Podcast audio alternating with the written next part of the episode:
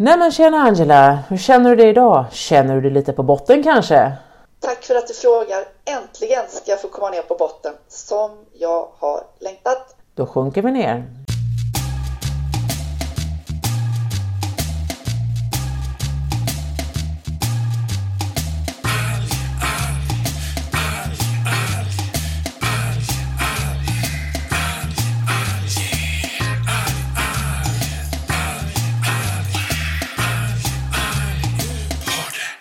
Jo du Ellen, idag så ska vi prata om bottenlevande mikroskopiska alger. Åhå, det blir litet och det, det, blir det djupt eller blir det grunt? Mest grunt eftersom vi pratar om fotosyntetiserare men de har också flera av dem förmåga att leva väldigt djupt. Om jag Ellen säger så här till dig, mikroskopiska alger, vad tänker du först på? Då tänker jag ju på penata kiselalger. Ja men helt rätt.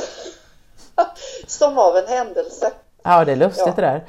Om vi tar det från början så vi har ju pratat om växtplankton och då har vi konstaterat att just växt talar om att de fotosyntetiserar även om de inte växter och plankton talar om hur de lever, att de inte kan röra sig mot vattenströmmar men de finns i vattenmassan. Sen har vi motsvarande, alltså de ser ungefär likadana ut men de är specialiserade att leva på botten och det är både havsbotten och sjöbottnar. Men principen gäller att de fotosyntetiserar så de behöver ljus. Och du var ju helt inne på rätt spår, penata kiselalger, alltså avlånga kiselalger, det är ju mina specialiserade favoriter. Men det finns faktiskt väldigt mycket mer. Oho, berätta, berätta. Och då ska vi först fundera på det här med grunda bottnar och vad de består av. För det kan ju vara ganska stora stenar och det här är både havet och sjöar som sagt. Och det kan vara små stenar och de kan vara så små så att det till slut blir sandkorn. Och blir de ännu mindre så blir det lerkorn och allt det här påverkar ju livsmiljön för det är ju i ett sediment, en mjuk botten, så finns det mycket vatten, mycket näringsämnen. Men på stenar så blir det lite annorlunda. Då är de mer beroende av vattenströmmarna runt omkring. Ja, jag tänkte säga på en sten så blir man väl bortspolad också om man inte kan hålla sig fast för det går inte att gräva sig ner i en sten. Eller går det det? Det går. Oh. Vi har alltså de som även lever inuti stenar som då heter endoliter i sten. Men om vi tar de som heter, lever på stenar, epiliter på epi.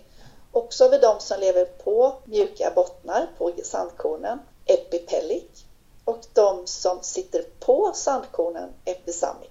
Och det här ingår i, framförallt när man pratar om kiselalger så talar man om epipellic episamic.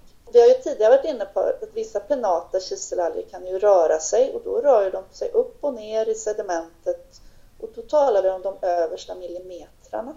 Så de är alltså fotosyntetiserande växter, eller inte växter, men fotosyntetiserande organismer men kan också röra sig? Mm. Och det var ju då man trodde att det var djur från början naturligtvis. Vi har berört det här kort lite innan men de här de lever ju i sedimentet och rör sig upp och ner men så är det då de som inte kan röra sig och då är de, om de ska kunna finnas på olika platser i sedimentet så måste det vara djur som gräver och så följer de här mikroskopiska algerna med och då kan de komma lite djupare i sedimentet och då får de ligga och vila för då kan de inte fotosyntetisera och då är det några av dem som helt enkelt byter strategi och blir vad vi säger heterotrofa. Och det betyder inte just att de börjar äta andra organismer men de börjar ta upp små organiska molekyler, alltså små molekyler som innehåller kol. Så det är ju lite grann ett sätt att äta om vi nu ska använda väldigt, väldigt förenklade ord. Men smart strategi. Men vad spännande, så de kan alltså då börja äta äta bös om de inte får solljus?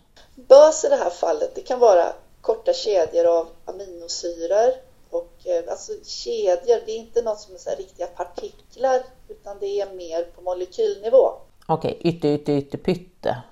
Ja, och det kan de flesta av dem som är bottenlevande kan alltså växla till det här och gör det även samtidigt som de fotosyntetiserar. Så att om det är en mörk dag, en mörk period så kan de byta strategi och sen kommer ljuset och då blir det fotosyntes igen. Då. alltså det här är överlevnadsstrategier helt enkelt. Det är så de klarar vintern helt enkelt? Ja, inte bara vintern utan Det kan även vara en tråkig sommardag eller att du har blivit nedgrävd och hamnat för djupt ner i ett sediment. Eller att det har varit oväder, stormar, det rör om, att du transporteras långt ut så du hamnar, om du vill leva på en halv meters djup så har du nu hamnat på kanske 50 meters djup plötsligt. Då är det ju inte direkt så att du kravlar dig tillbaka till en halv meter utan då får du vänta på rätt väderförhållanden, virvlas upp och transporteras tillbaka på något sätt. Det är tufft att vara bentisk. Mm, det, det är tufft och därför är de också tuffa. Och det är inte bara kiselalger som lever här utan det är till och med så att vi har ungefär lika mycket cyanobakterier som vi återigen vill påminna om att det är inte alger utan det är prokaryota celler.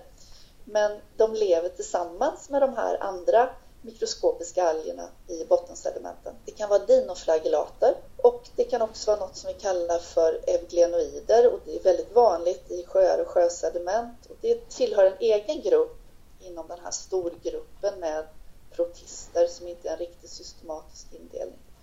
Och vad som är spännande med de här euglenoiderna är att vissa av dem kan till och med ändra sin cellyta så att de kan vara ganska stela i sin cellyta och ha en flagell som de rör sig med. Och det är ju mer vanligt när man är naturligtvis uppe i vattenmassan. Sen kan de ändra så att de eh, får en cellyta som är väldigt, väldigt flexibel, alltså amöbalik. Då får de ett sätt att röra sig som en amöba. Och det kan de göra medan du tittar på dem i mikroskop så kan du först se att ja, men här styr den fram med sin flagell och nu plötsligt ser det ut för ögat så övergår den till att röra sig som en amöba. Ja, men det där kommer jag ihåg. Det var en barbapapoid rörelse tror jag vi beskrev den som. Ja, visst är det härligt. Alltså, där tänker jag, barbapappa, du och jag Ellen, vi har eh, vi kan associera till barbapappa men mina studenter idag som är kanske 20 år har inte riktigt samma referenser. Men det är ju inte bara det utan det finns även små flagellater och eh, det kan vara små grönalger, alltså små encelliga grönalger som också finns med här och det finns lite andra grupper också men den stora delen det är kiselalger, det är cyanobakterierna och dinoflagellaterna. Dinoflagellaterna skulle vi faktiskt ta och fokusera lite på. Nu har vi inte så mycket i Sverige som är bottenlevande och giftiga. Men gör vi en utblick, vi kan ta till Mexiko. Mm, det känns varmt och trevligt. Där håller man på att kartlägga bottenlevande dinoflagellater och det finns faktiskt en hel bok om bottenlevande dinoflagellater. Inte bara då i Mexiko utan där man tittar på det i världen i stort. Det är ju ett hett julklappstips. Absolut, och den, eh, just den boken kan man ju då googla fram. Den kostar bara ett par hundra kronor på kända onlinebokförlag eller vad det heter, de som säljer böcker. Och den heter just Bentic Dinoflagellates. Så att, kika på den om ni är intresserade. På engelska förstås. Egentligen så säger vi ju inte algblomning när det händer på botten, men det är en form av algblomning för att de förökar sig så snabbt och de blir så många. Och de här dinoflagellaterna då som är giftiga, de kan både via musslor, musslor vill filtrera, och via andra kräftdjur som lever på botten faktiskt då ackumulera gifterna så att när människor äter de här sen så kan man bli riktigt dålig. Det vanligaste är ju diarré, det här diarrégiftet som vi också varit inne på, men också de här ciguatera som kommer från en ciguatera poisoning då, det kommer från en dinoflagellat, Gambiridiscus har vi inte i Sverige. Men den kan då förgifta oss via att vi äter barracuda. Just det. Och det här är ju problematiskt för, för många som lever av skaldjur och som bor kustnära och det är kanske deras enda proteinkälla. Och det händer flera fall varje år där man faktiskt dör av det här. Men det är också så att när man har tittat på hur mycket olika typer av bottenlevande dinoflagellater det finns i det området så har man hittat ungefär 45 olika arter.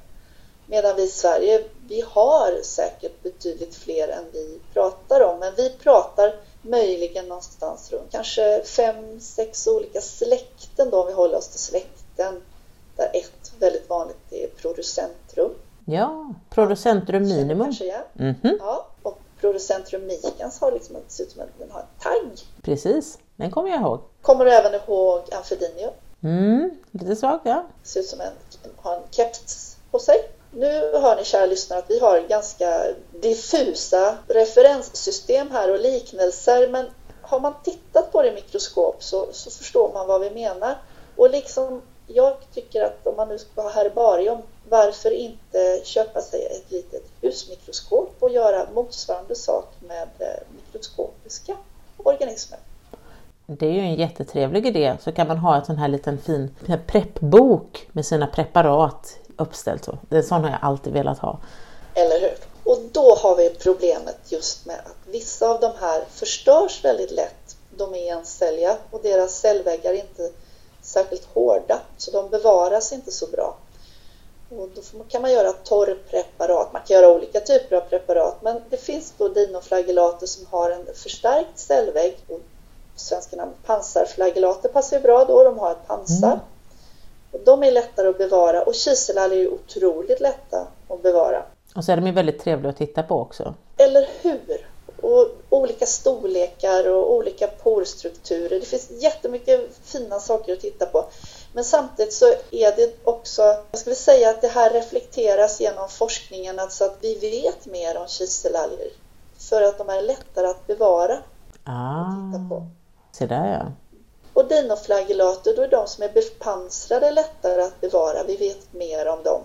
Och de andra rackarna som lever i sedimentet, de bryts ner lättare. Så det finns inte så mycket av dem bevarade och då krävs det att man har duktiga människor som sitter och tittar på levande preparat eller preparat som där man nyligen har dödat dem. man kan bevara dem i Lugos lösning eller något liknande. Men då håller de inte så länge. Alltså typisk reflektion på att vi vet mer om sånt som vi kan bevara. Mm. Eller som är lätt att nå. Vi kan ju se om vi tittar till vad vi vet om, om djupgränsen. Någonstans djupare än 25 meter så brukar det bli lite mer luckor i kunskapen om, med fastsittande djur och botten överhuvudtaget längre ner. Precis. Och om du då ska tänka att du ska titta på bottenlevande mikroskopiska alger som fotosyntetiserar och de lever i de översta millimetrarna av sedimentet, om vi nu tar mjukbottnar, då ska du på något sätt samla in de översta delarna av sedimentet och sen då ta bort dem och då kunna säga att ja men här, här har vi då en, ett representativt urval på vilka som kan leva här. Och inte hålla på och röra om med en spade eller en grabber eller vad det nu är så att du tar upp för mycket som då virvlas om och du får upp sånt som är dött och inte är aktivt fotosyntetiserande. Då behöver man ha en väldigt, väldigt liten dammsugare. Mm -hmm. Eller att man har en lastcylinder till exempel. Om man dyker ner och så försiktigt får man upp den här och sen tar man de översta millimetrarna med ännu mindre plastcylindrar som man använder sig av och så tittar på det. Då. Men det är ganska roligt på så sätt för det är rätt mycket sån här kul spännande teknikutveckling, pyssel och bygg för att få till en, en provtagning helt enkelt. Det är mycket pyssel och bygg och sen är det också så att eh, det är ofta det som är enklast och till och med billigast som fungerar bäst. Det är ju det. Vad vore forskningen utan gaffatejp? Ja, och eh, stekspade exempelvis när du ska ta de översta millimetrarna. Det vetenskapliga instrumentet som fungerar alla gånger. En annan sak som är väldigt intressant tycker jag då, det är att man har funnit just kiselalger som man då har verifierat att de faktiskt lever och fotosyntetiserar på 196 meters djup. Oj. Vi hittar få makroalger på så här stora djup, eller hur? Ja, det skulle jag nog vilja våga mig på. Det finns ett djuprekord för krustabildande rödalger på 400 meter, men det är ju ett extremfall. Då. Det var extremt, okej. Okay. Men hur som helst, 196 meter det är ett ansenligt djup. Det är inte vanligt, eh, utan det krävs ju, krävs ju ljus, men det kan räcka med så lite ljus så att vårt öga skulle uppfatta det som helt mörkt. Men det räcker för att upprätthålla en fotosyntes. Men de kan ju inte föröka sig särskilt snabbt när det är så lite ljus. Ja, det känns ju som att det, är långsamt men oavsett, så fort, ju djupare man går i havet desto långsammare går ju processerna känns det som för många. Antingen ja. för ljuset eller för trycket eller för att det är kallt. Ja, eller alltihopa. Absolut. Men om vi går tillbaka till de här grunda bottnarna så en viktig funktion förutom att vara basen i näringsväven så utsöndrar de här också en sorts slem, EPS kallar vi det för, extracellular polymeric substances och det här slemmet kläggar ihop gruskornen så att de kan minska erosion exempelvis och det är någonting som man uppmärksammar på tidvattenskuster framför allt. Att de här hjälper till att klogga ihop sedimentet så att det inte blir så mycket erosion vid strandkanterna. Ja, för när vattnet går in och ut så borde det egentligen ta med sig ganska mycket av sedimentet, särskilt de finare partiklarna. Men då blir det här liksom som en klisterhinna som ligger över. Ja. Det är ju jätteviktigt. Idag tycker jag inte att vi behöver fördjupa oss så mycket just på när vi pratar primärproduktion och vilken betydelse de har. Men eh, jag måste ändå säga att om man jämför med växtplankton och man sen du vet när man tittar på växtplankton så tar man ju celler per liter eller något per en volymsenhet. Om man istället skulle säga per areaenhet, som man säger en kvadratmeter. Och så har man en vattenvolym och så låter man allting ramla ner på botten om det nu är växtplankton. Och så jämför man det med de som är bottenlevande.